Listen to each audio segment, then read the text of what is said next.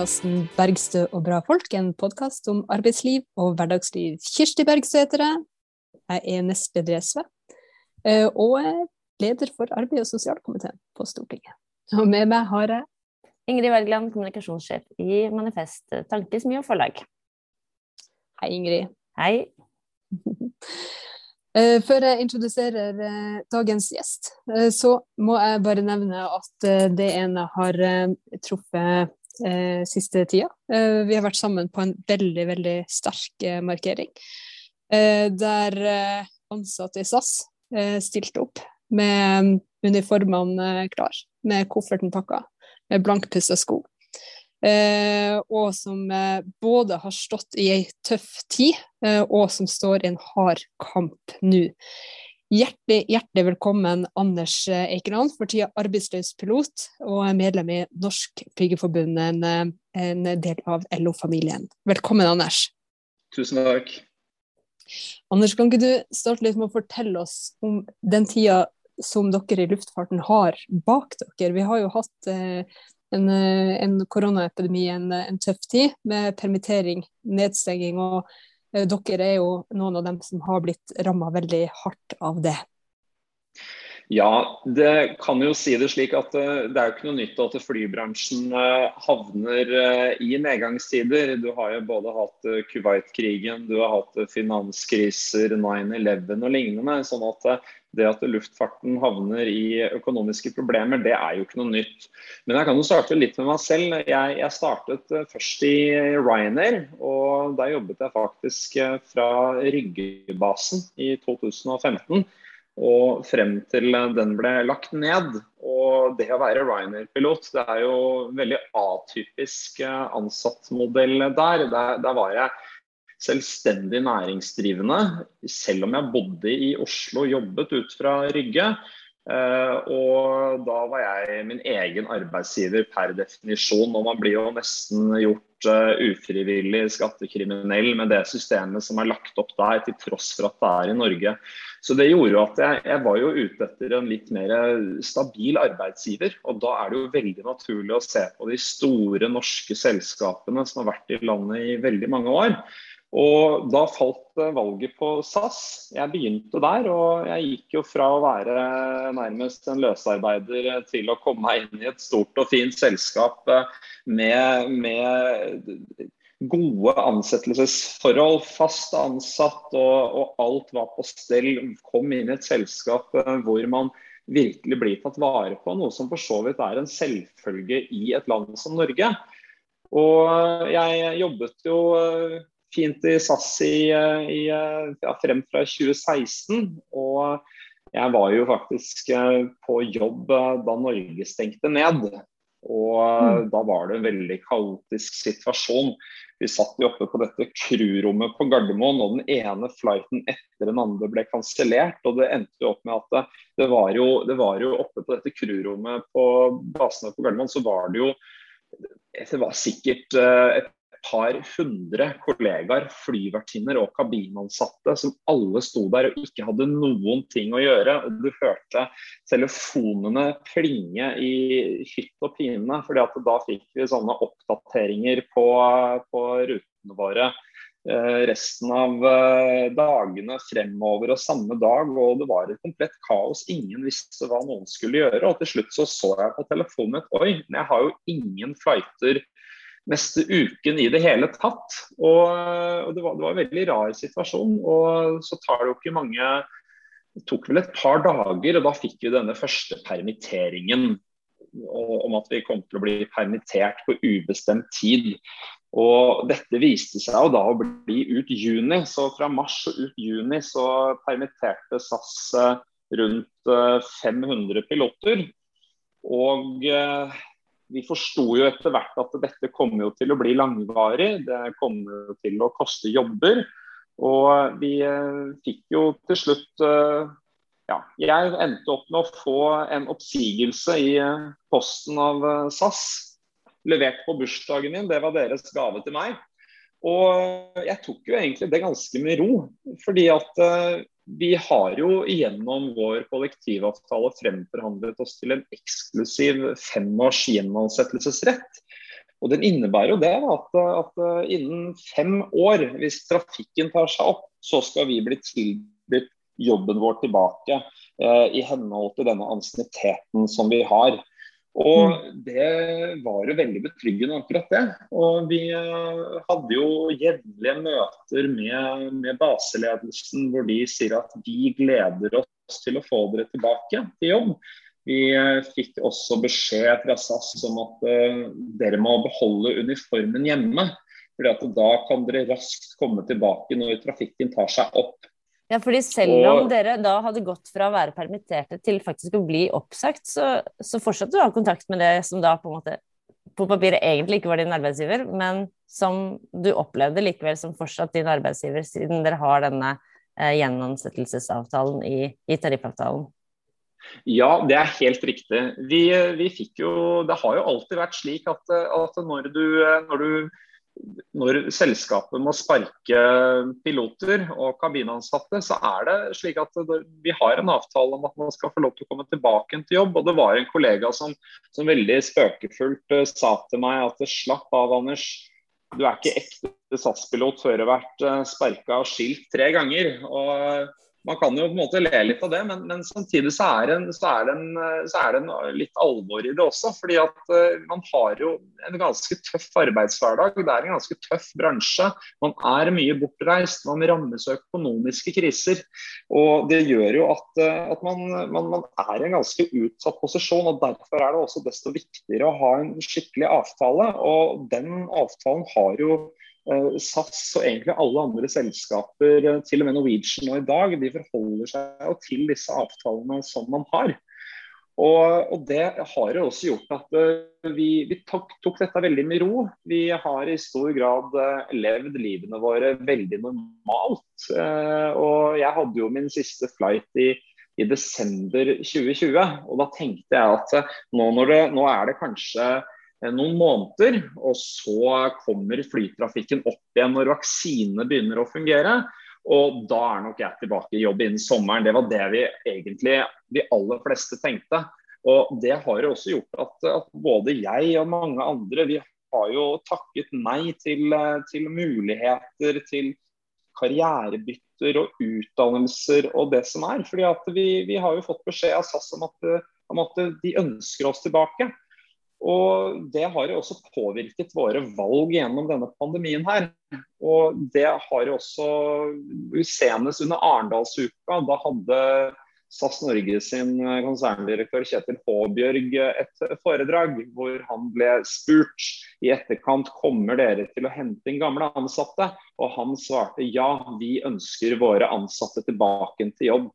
Og som sagt var dette her i august, og bare tre uker senere så slipper SAS den store bomben. Vi skal opprette flere datterselskap, og dere har ikke gjenansettelsesrett i disse stillingene her. og Det var da dette slo ned som en liten bombe blant oss. For dette her hadde vi overhodet ikke forventet at skulle skje.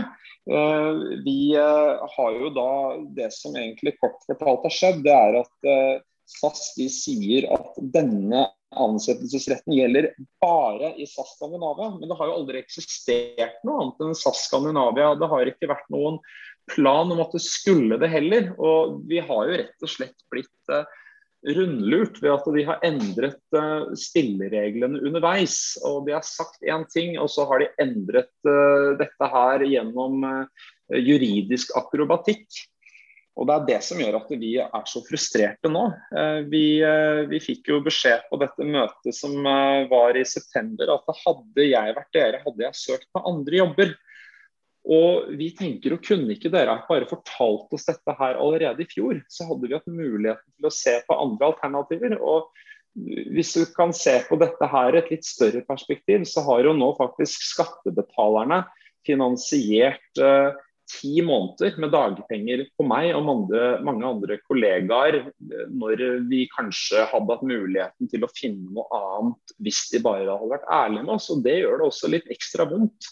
Dette går jo utover at SAS har mottatt milliarder av kroner i statlig støtte, og så har de brukt de pengene på å sette piloter og kabinansatte på Nav. og eh, Det kan godt hende at SAS har gjort dette juridisk korrekt.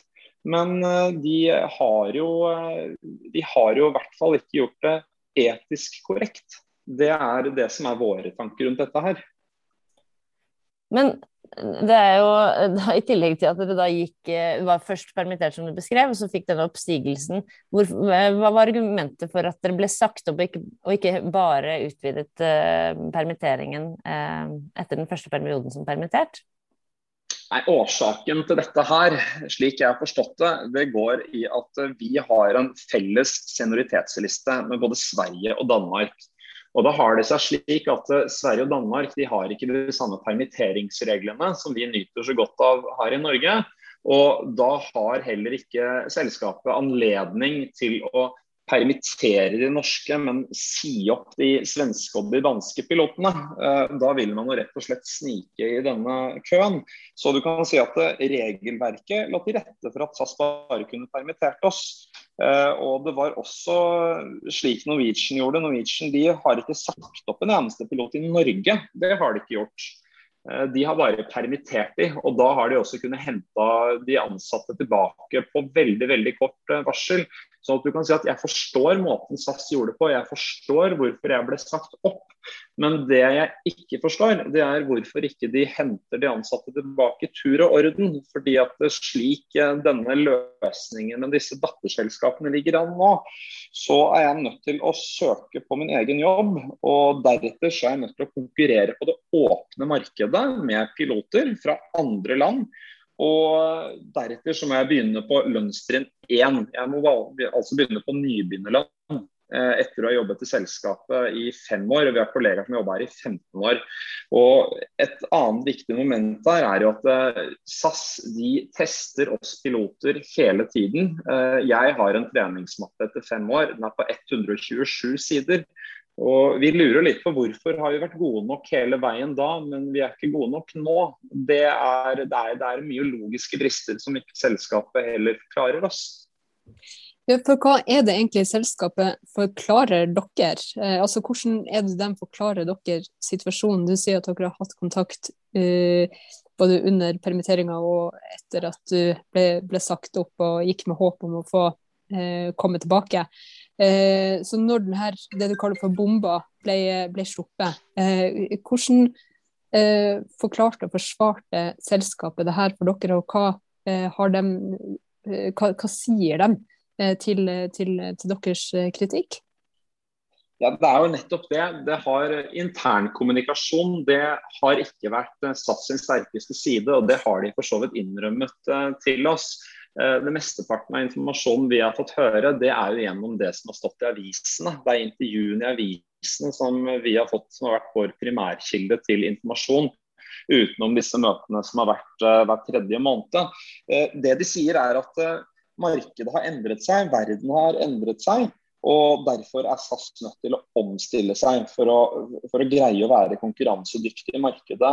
Og du kan si det slik at det er Ethvert selskap har behov for å hele tiden endre seg. Det er, det er helt vanlig. Det, men, men, det er viktig å få med seg at det er ikke de ansatte det står på her. Vi har vært åpne for løsninger hele veien. Og det, den logikken vi sliter litt med å forstå, det er, det er lønnsomheten ved å ta 160 fly som SAS har, og splitte de over over på fire selskaper, og deretter nekte de ansatte å komme tilbake.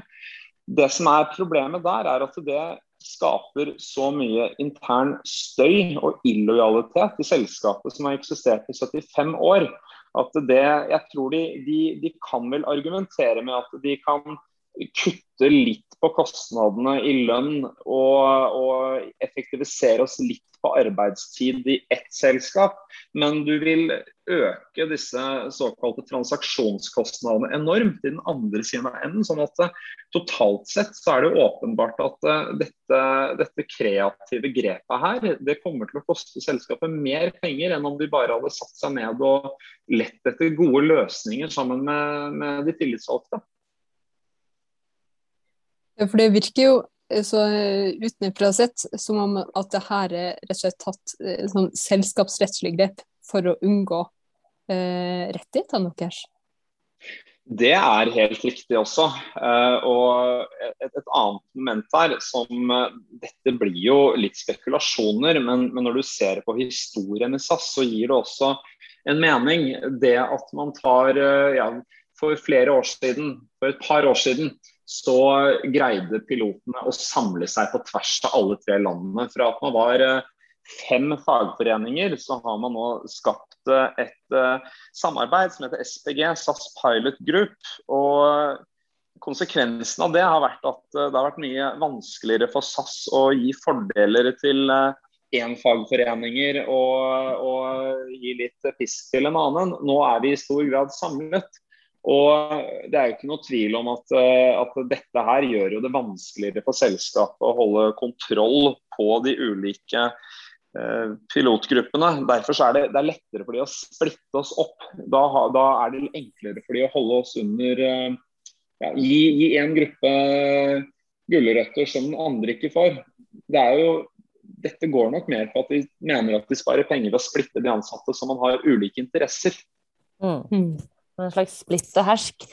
Men, eh, men, en annen ting som jo har kommet fram i, i nyhetsoppslagene rundt denne, denne, kampen, da, det er jo det at når du da skal, skal søke på din egen jobb, som du beskriver, så, så kommer det fram et argument fra SAS om at det er ja, men nå er det kompetanse som, eh, som dere ikke har, fordi det er kommet noen nye fly. Så da må dere ta noen kurs, og det må dere betale selv. Og der er det snakk om oppi en halv million for for disse kursene, er tallet sett? Ja, det er riktig. Dette er så, såkalte typekurs. Nå har jo vi flydd Boeing 737 i, i Norge i alle år. Eh, og så er det jo viktig få med at uh, disse nye flyene som SAS har kjøpt, det er, Airbus A320. De har de flydd i Sverige og Danmark i mange, mange år nå. Og selv i Sverige og Danmark, hvor de har dette kurset som koster en halv million på denne nye flytypen, selv ikke der er disse prioritert i køen. Og Det vitner om at det har jo ikke noe å si egentlig. De, de er jo ikke ute etter å ha tidligere SAS-ansatte selv om vi har kompetansen. Og Når det er sagt, så er det jo også slik at uh, selv om en butikk eh, bytter skrivemaskin, så er jo det faktisk ikke de ansatte som har valgt dette her. Det er, eh, hvis, hvis selskapet velger å bytte fly, så er det jo også deres ansvar å, å ta kostnadene og lære opp personellet på dette her. Og, og for de som ikke kjenner i flybransjen, så kan det jo høres ganske kravstort ut at, at, de ansatte ber om et kurs i en halv million kroner. Men det har seg slik at dette er bransjestandard. Dette er noe som gjøres i absolutt alle flyselskaper. At du får denne opplæringen betalt for. Og Det gjelder også hvis, hvis så Rikshospitalet hadde fått seg en ny røntgenmaskin, så hadde de krevd at alle radiografene eh, selv måtte betale for opplæring på denne nye røntgenmaskinen. Det er faktisk ikke de som har spurt om denne nye maskinen heller. Eh, så ja, Rent oppsummert så er dette bransjestandard at alle flyselskaper betaler for dette her. Men mm. det er jo heller ikke stridens kjerne. fordi at uh, som jeg også nevnte, selv ikke i Sverige og Danmark er de ute etter pilotene som har disse kursene. Selv ikke de er ønsket i disse selskapene slik det er lagt opp rekrutteringsprosessen. Nettopp. Men det er jo ikke uvanlig at uh, seriøse bedrifter investerer i de ansatte uh, i kompetanseheving. Og jeg vil jo tro at uh, veldig mye verdifull kompetanse går tapt i den måten å, å, å tenke på. fordi særlig kjører man i norske forhold, så kjører man jo under spesielle forhold. Og vi så jo hvor galt det gikk med, med, med Wizz Air da de prøvde seg. Ikke bare fordi de hadde helt uh, håpløse uh, kontrakter og uh, arbeids- og lønnsbetingelser. Men også fordi det var mannskap som rett og slett ikke håndterte f.eks. sne, som man jo har i, i, på, på, norske lufthavner. Så det var jo mer enn én en gang at flyene fløy nordover og måtte snu. og det er klart Pilotene gjør jo det eneste riktige hvis de opplever å være i en situasjon uten kontroll. Eh, men her må det jo være et skrekkelig eh, kompetansetap i, i sum, når man kaster vrak på eh, ansatte med erfaring fremfor å, å investere i dem. Ja, altså Der er du også veldig inne på noe. Et eksempel på det det er at det å fly til Værnes i, i SAS det er ansett som en dagligdags operasjon. Vi flyr til Værnes mange ganger i uka. Mens når f.eks. KLM skal lande på Værnes, så er det ansett som en risikabel operasjon. Dvs. Si at deres piloter som skal fly til Værnes, de må ha spesialopplæring for å lande på Værnes. Og i SAS derimot så anser man eh, Tromsø og Kirkenes som, eh, som, steder hvor du skal ha flydd eh, i minst seks måneder i selskapet før du får lov til å dra opp med en såkalt vanlig linjepilot. Det, det som gjorde at, at, det gikk galt med Wizz Air, det er jo fordi at de har jo ikke den erfaringen oppe i Nord-Norge. Og de har også prosedyrer som gjør at eh, de i større grad må avbryte landinger på forhold som vi mener er helt normale.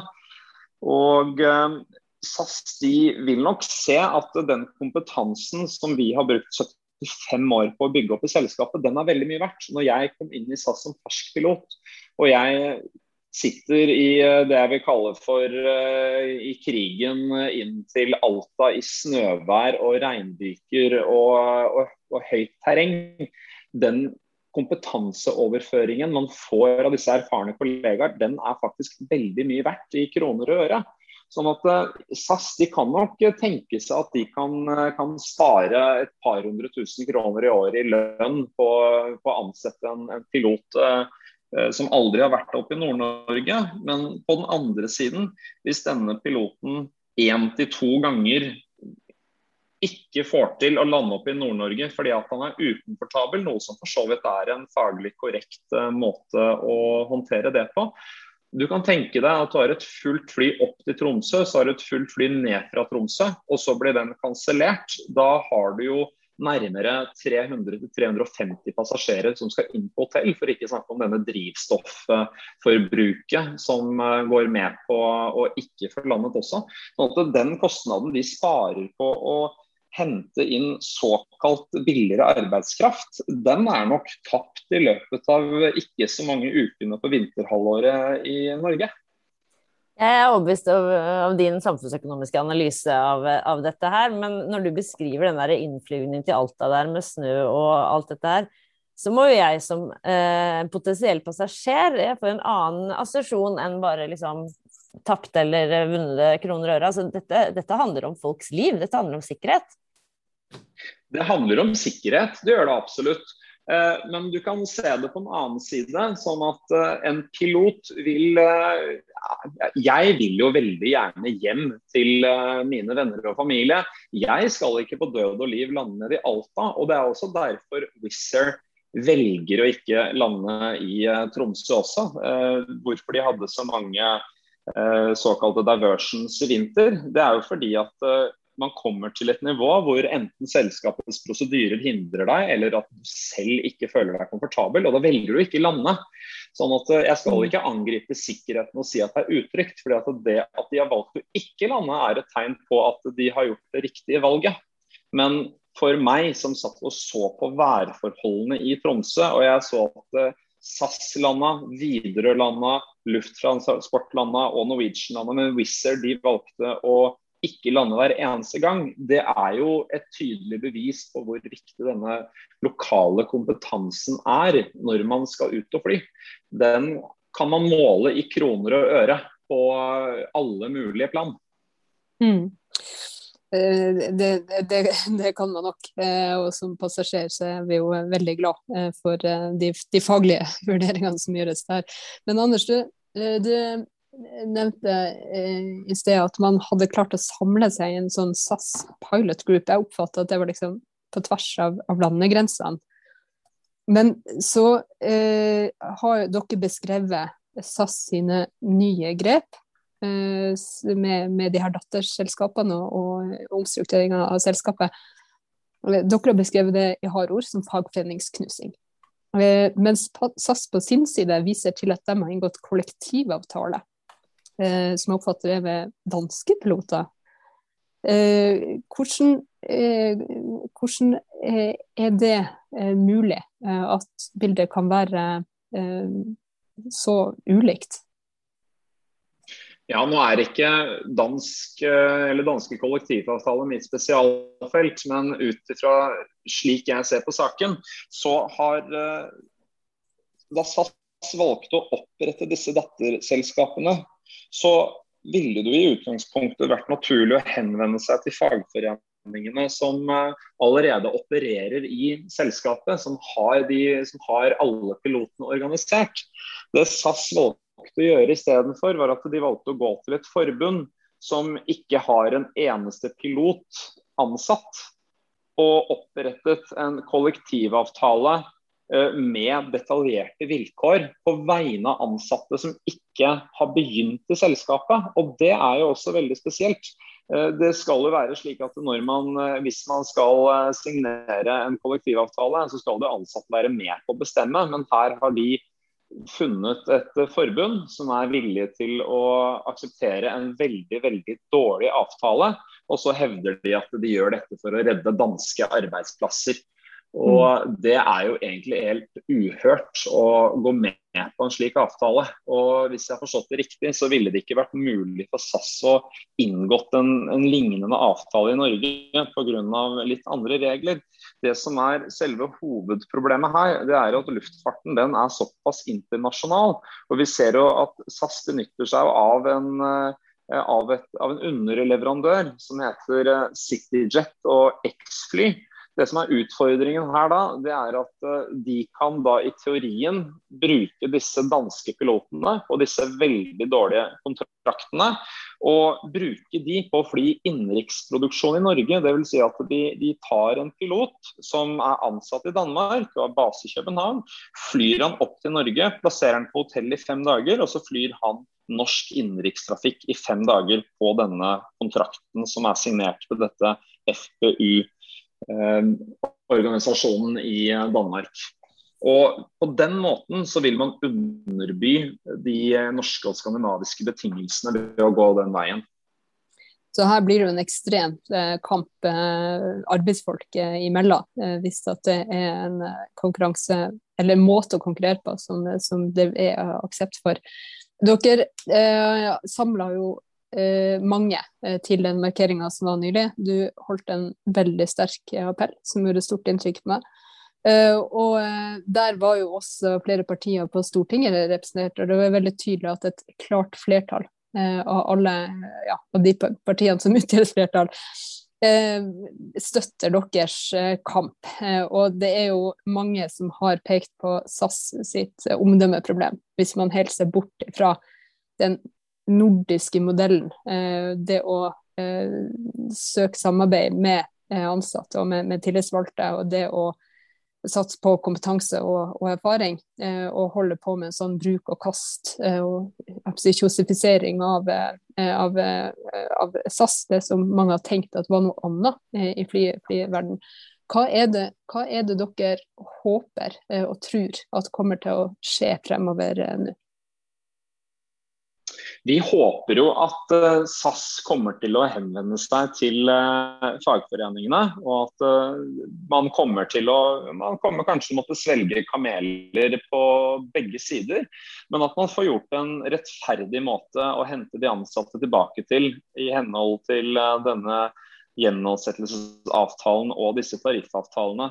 Og Det er også uakseptabelt at eh, hvis du har jobbet i et selskap i 15 år, at du skal være nødt til å begynne på nederste lønnstrinn eh, pga. at eh, et selskap tar kreative grep.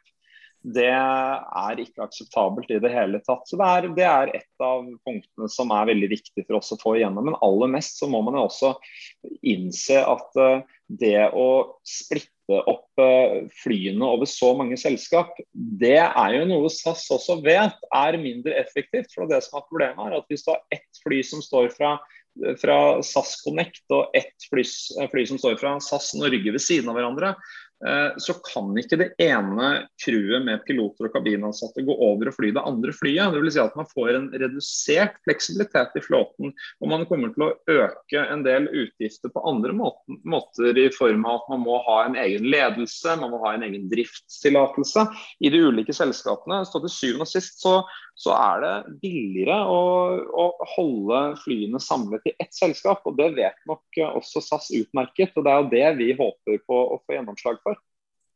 Mm.